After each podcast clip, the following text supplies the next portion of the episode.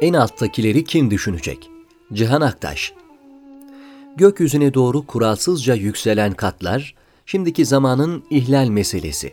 Hem de bu defa garibanlık yok işin içinde. Gökyüzünün mavisinde kul hakkı olduğu kabulüyle çalışmıyor belediyeler ve müteahhitler. Kat üstüne kat, yeni bir kat, çatı katlar, çıkmalar, nasılsa cezası yok diye birkaç kat daha. Uzun yıllar boyunca yeşilini veya özgün dokusunu korumuş bir semtin, küçük yalının yakın tarihlere kadar karayollarına ait olan iç açıcı yeşil alanlarında kale misali heybetli, adalara nazır bir rezidans inşaatı yükseliyor.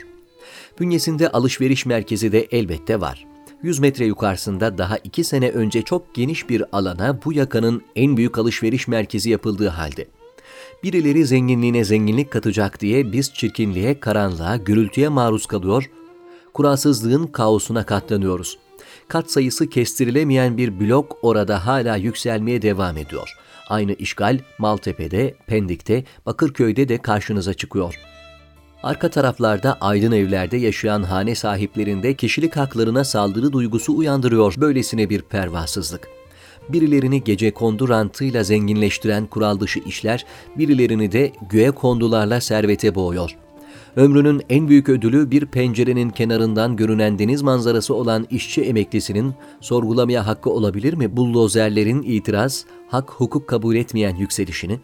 İşte bu manzarayı ele geçiren inşaat gibi yüzlerce alameti farikası var inşaat terörünün. Anlaşılan medeniyet sadece bir retorik söz konusu kazancı olduğunda.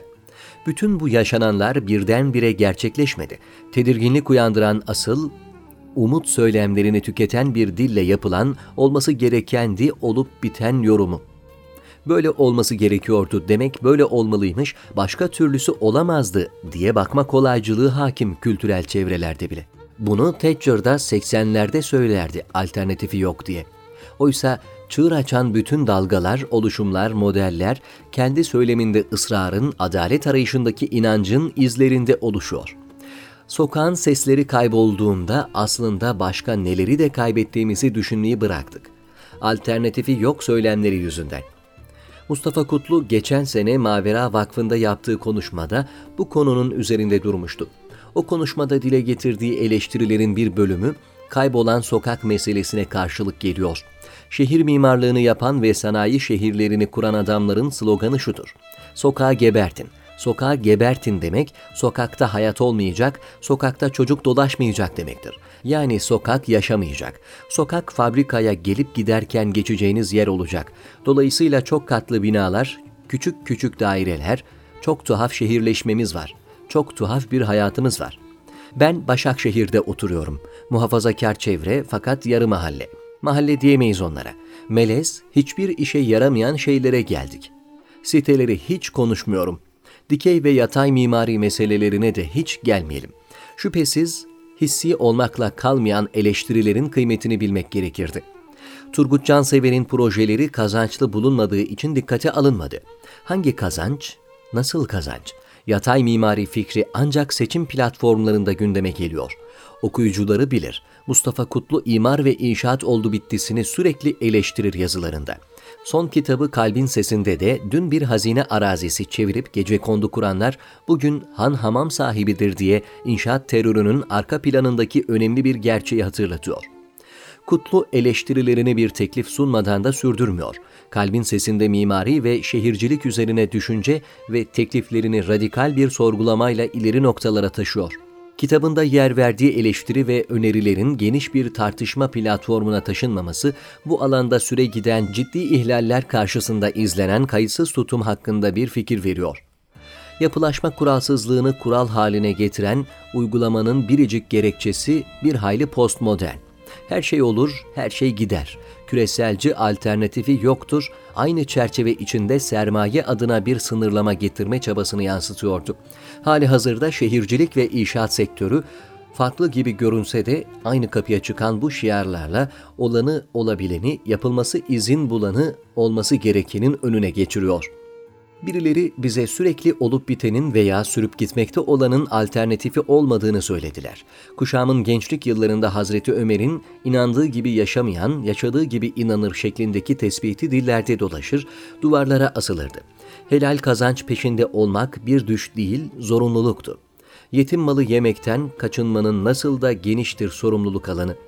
Başkası gibi davranarak cevap veremezsiniz ihtiyaçlara.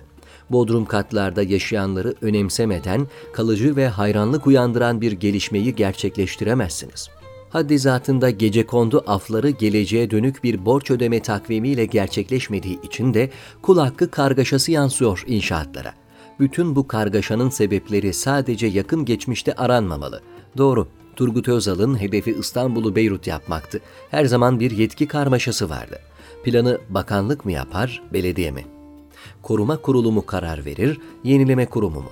Bedrettin Dalan, İstanbul'un nazım planı benim kafamda derdi şehirlerin şimdiki zamanında olup bitenler, Paktil'in put yapım evleri eleştirisinde belirginleşen şehirleşme idealine dair birikim ve duyarlılığın kolay kazançlar uğruna hükümsüz hale getirilişi sergilendiği için düşündürücü. Son 20 yılın dökümünde de mahallelerin, semtlerin biricik yeşil alanlarını kapsayan hadsiz hesapsız siteler yansıyacak gelecekte. İnsanlar göçüyor, elbet yerleşecekleri mekanlar lazım. Fakat atalarımızın kurup geliştirdiği şehirlerin asli dokusu bozulmadan sağlanamaz mıydı bu yerleşmeler? Kalbin sesi bunun yapılabilirliğini farklı alanlarda dolaşarak gösteriyor okuyuculara.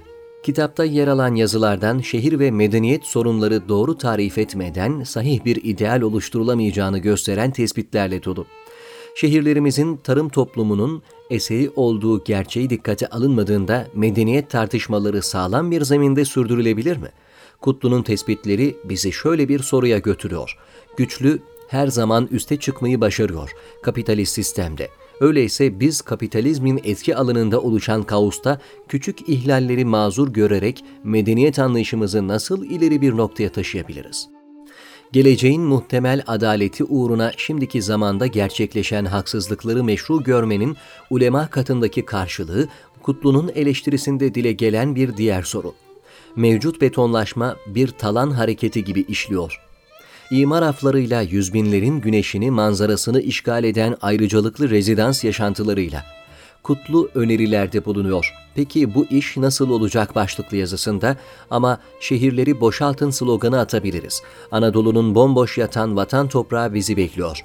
İşsize iş, aşsıza aş. Tencerede pişirip kapağını yiyelim diyeceğim ama ama evet kapitalizmin küreselleşmeyle başlayan yeni kapsama hareketinde güvenlik meselesi tüketim ve yenilik gibi ajandalarımıza yerleşti.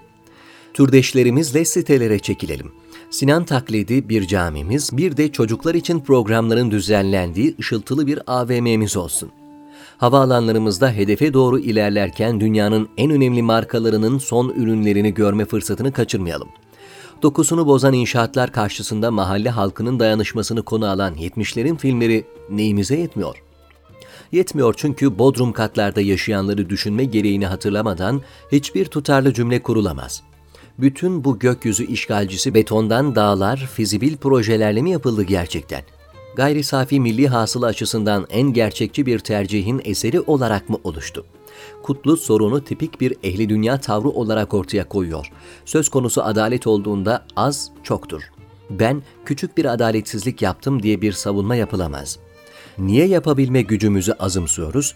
Bir taraftan da yapıp ettiklerimizi çok beğenir gibi konuştuğumuz halde Alman aydınların şehirleşme konusunda 1920'lerde gösterdiği çabalarla yerleşik hale gelen şehircilik kurallarını anlatıyor Foucault, biyopolitikanın doğuşunda. Onlar nasıl başardı?